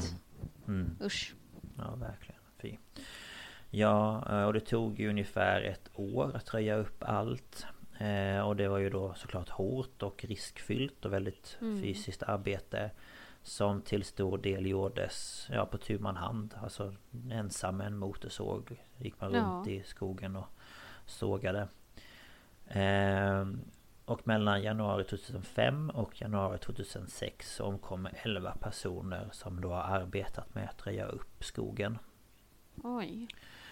Eh, och den sista dödsolyckan den inträffade när en skogsarbetare från Estland eh, omkom under skogsröjning på Värö halvön i Halland. Mm -hmm. Yes. Eh, och det inträffade totalt 141 arbetsrelaterade olyckor. Eh, och Eh, sommaren 2005 så utgör landningsbanan längs vägen mellan Ljungby och Halmstad Europas största virkesupplag. Den har jag ju mm. åkt förbi någon gång. Och här har 23 000 timmerbilslaster samlat eh, vindfälld skog. Herregud. Så det är... Eh, det finns bilder att se på Ja, på Google bland annat och det är mm. liksom hur mycket träd som helst. Ja, det förstår jag. Ja. Ehm, och ehm, ja, men skogen blev ju i stor utsträckning en symbol för Gudrun. Mm. Och eh, flygbilder som finns över området eh, har ju då gått från att täcka liksom en, alltså en tätvuxen skog till jättelika plockepinn mm. eh, av välta eh, stammar. Ja. Ehm, och ehm, och det här är då en, citat, en förödelse så omfattande och svår att ta in att den också ledde till mytbildning under året efter stormen. Det kom ju massa mm. myter om, om stormen liksom. Ja. Ehm, och då tänkte jag berätta lite om eh, ja, hur det var för mig helt enkelt. Tänkte ja, jag ville ta med det. Det blir spännande. Ja, eh, jag har försökt bara liksom stapla upp lite. Mm. Eh, och jag bodde ju då Eh, i en liten by i södra Småland eh, ute på landet. Ehm, och jag bodde där med mina två bröder och min mamma och min styvpappa. Och på fredagen, alltså den 7 januari, så var det en vän som följde med mig hem från skolan och skulle sova över hos mig. Eh, då min mamma och styvpappa egentligen skulle iväg till några vänner på den kvällen. Mm. Men de avbokade det för det hade ju redan börjat blåsa lite då så de bara nej men vi, vi vill inte riskera att köra iväg liksom. Mm. Eh, Vilken tur! Mm. Och, och, till en början så var det ju ingen som visste att det skulle bli en så här kraftig storm. Eh, så på lördags förmiddagen så körde min mamma till ett ställe som heter Hinneryd med en vän. För att titta på en sån här mannekänguppvisning. Mm. Eh, och ja, de var där och sen på eh, vägen tillbaka så hade det då börjat blåsa en hel del. Och några träd längs vägarna hade då redan börjat falla. Mm. Eh, och sen kom då min mamma hem och framåt eftermiddagen så kom min mammas moster till oss och hon bodde också i, i sam, i samma ställe fast en bit därifrån. Mm. Eh, och skulle ja, komma på en fika. Men eh, vi sa till henne att hon skulle börja åka hem för det började blåsa jättemycket utomhus. Ehm, så hon åkte hem eh, och utanför så kunde vi då höra hur grenar och träd föll. Eh, och vi var då väldigt oroliga såklart för att min mammas moster hade kommit hem eller inte. Mm. Och de vill, och då ville ju min näst äldsta bror och min styvpappa De gick ut Alltså ut från Alltså bara på tomten för att de ville kolla ja. hur det såg ut utomhus jag kommer aldrig glömma, de kom inspringande efter bara några minuter Helt så skakade och bara så här, vi, vi vill inte vara där ute. Ehm, För de, det var ju helt mörkt. Vi kunde inte se någonting för det var ju inga gatlyktor Ingenting och de kunde bara höra mm. hur träd runt om föll. Uh. Så de bara nej, det här går inte. Så vi, de gick in igen. Och eh, då hade ju eh, strömmen redan gått. Den gick ju väldigt tidigt hos oss. Ehm, så det var ju lika mörkt ute som inne och så var det ju januari också. Så Men ni, ha, ju... ni hade ingen kamin eller någonting som ni kunde elda? Eh, nej, vi hade... Jag tror att vi eldade lite i en öppen spis som vi hade. Och sen så fick vi ha värmeljus typ. Men hade det. ni ehm, så här ehm, att ni fick elda för uppvärmningen eller? Nej, vi hade sån här varm, varm vad heter det? Eh, sån här eh, som ni har. Eh, ett sånt här skåp. Luftvärmepump? Som, ja, som står i, i, vad heter det? I, ja, ett rum i huset stod det en sån. Ja, mm. Så vi hade, vi, vi eldade inte för att få upp värmen liksom. Utan vi använde Nej, okay. bara den ibland. Så mm. den fick vi använda. Eh, men vi hade ju som tur var mycket ljus och så hade vi ficklampor. Så om man skulle gå på toaletten fick man ta med sig en ficklampa och gå in liksom. Ja. Ehm, och på kvällen då när vi skulle gå och lägga oss så kom jag ihåg att jag var jätterädd. För jag var så, alltså jag tänkte att vi hade så mycket träd runt huset. Och att ett träd skulle falla över huset. Mm. Ehm, så jag sa till min vän då att hon fick inte somna innan jag. jag, bara, jag bara, du får inte somna innan jag. Ehm, för jag var, ja, jag var rädd.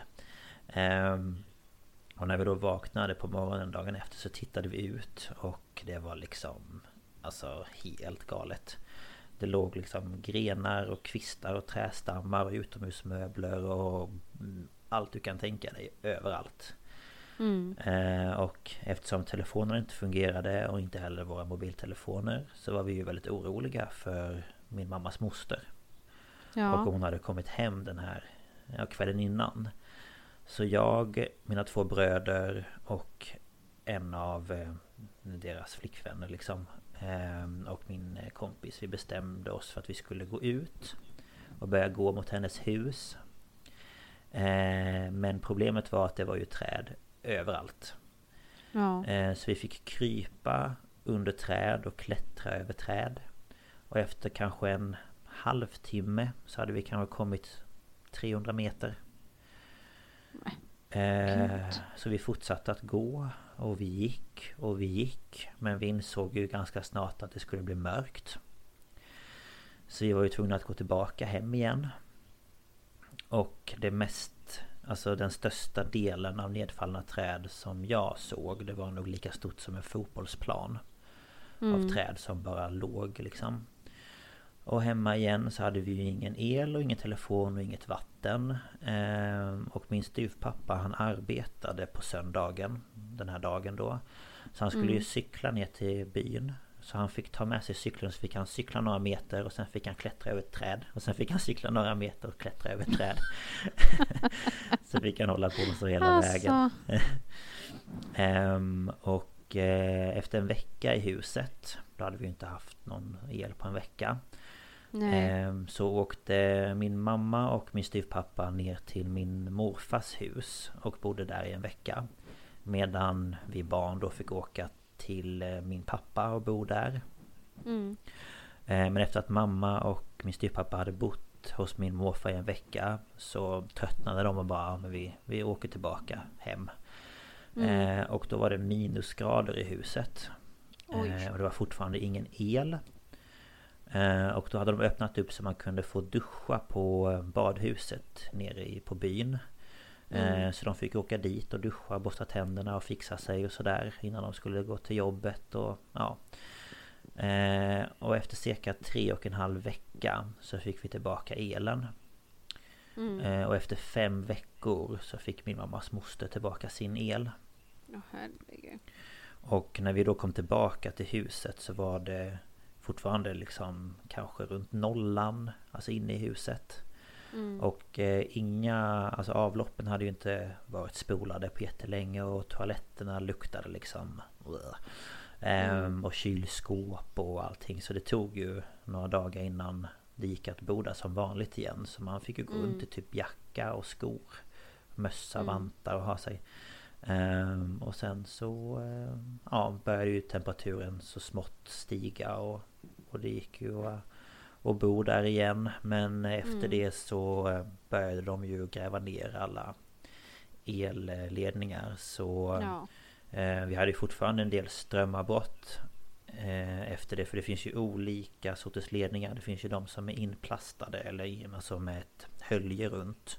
Och sen finns det de som är bara Och jag tror att vi hade ganska många som bara var liksom bara Så då räcker det om det hamnar typ en gren på Ja. det för att strömmen ska gå. Eh, Men sen så blev det ju bättre eh, i och med att de grävde ner en del. Mm. Men de fick ju väldigt mycket skit efter det här. Ja. Ehm, Så att eh, det var väl en liten recap över vad som hände mig. Så alla nere i byn de hade ju el. Så pappa hade ju el och morfar hade el och sådär. Utan det var ju bara vi som bodde utanför. Som inte Ja. hade det. Ehm, Så ja, nej det var... Det var galet kan jag väl säga. ja, det kan jag tänka mig. Eh, Det var en upplevelse. Mm. Men eh, ja, det var det jag hade att erbjuda. Ja, men det var jätteintressant att höra. Mm. Spännande. jag var bra skrivet. Ja men tackar. ja, nej så kan det gå. Men det är väl inte Ja. som man... eh, Jag tänker ibland att för mig så var ju det jobbigt. Alltså det var ju en... eh, Någonting som man själv aldrig tidigare varit med om. Jag har inte varit med om det senare heller. Nej. Eh, Men sen i jämförelse med kanske de här stormarna som typ Ja men orkanen Katrina och sånt där Det är ju liksom en helt annan klass Det går ju inte ens att föreställa sig Nej, precis. Men allt är ju relativt också. Ja, jo men Alltså, verkligen. Det, det var Vi kan ju inte ju vänta oss sådana grejer så en sån här grej blir väldigt stor för oss. Jo det blir ju det och speciellt för alla liksom Jag tänker ja, men det, Så är det väl i alla delar av Sverige Men jag tänker mig så här ja, Mitt ute i de småländska skogarna sitter en ensam gammal tant liksom Som inte kan ta sig någonstans eller Ja men och kan inte ringa och ingen kan komma och hämta henne. Alltså lite så. Det var ju det man tänkte mycket på att Man vill att se till så att alla runt omkring en mår bra Och att ingen Ja. sitter liksom i, i knipa Nej, precis. Ehm, Så men ja nej Det var Det var det Thank you for that. Yes Very good. Very good Yes. Yes Oh, nu har vi snackat och lyssnat Ja, ditt blev inte riktigt lika långt som mitt men eh, det blir ju tillräckligt långt det här avsnittet ändå. Ja, det blir ju det Jag vet inte om det blir rekord den här veckan men eh, Så kan det gå. Eh, Kanske, vi får se. Det kan nog vara lika långt som det näst senaste Tror jag det okej. Mm. Ja, Yes. men eh, som sagt så kan det gå när man Mm. vill ha med för mycket. Ja. Det är ju spännande. Så att, Ja, jag tänker det. ja. Eh, Men eh, ja, det var allt för den här veckan i varje fall. Ja, Eh, Nästa vecka... Vad blir det då? Det blir... det kommer inte jag ihåg just nu. Det blir något. något blir det. Det blir något. Det kommer ett avsnitt i alla fall. Ja, det blir ju... Såvida inget eh, oförutsett händer. Nej, det vet man ju såklart aldrig men eh, vi håller tummarna för att det ska gå vägen och eh, vi Ja. håller ju på som sagt fram till veckan innan julafton.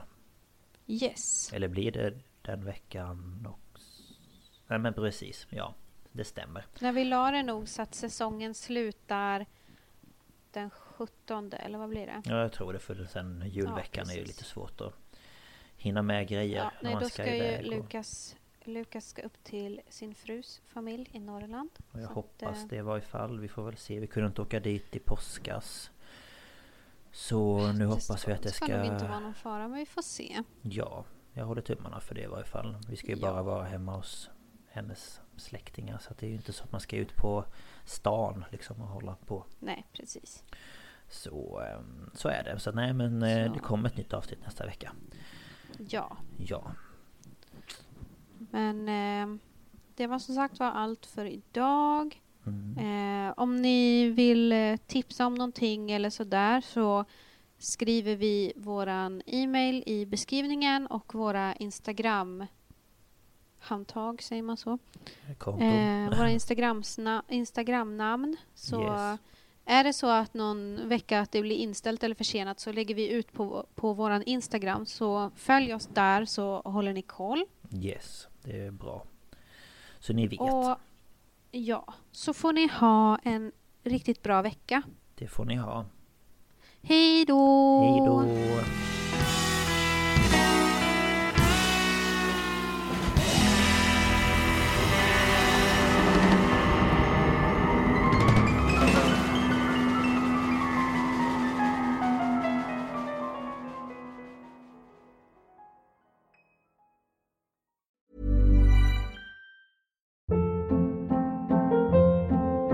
Hold up. What was that? Boring. No flavor. That was as bad as those leftovers you ate all week. Kiki Palmer here, and it's time to say hello to something fresh and guilt-free. Hello Fresh. Jazz up dinner with pecan-crusted chicken or garlic butter shrimp scampi. Now that's music to my mouth. Hello Fresh. Let's get this dinner party started. Discover all the delicious possibilities at hellofresh.com.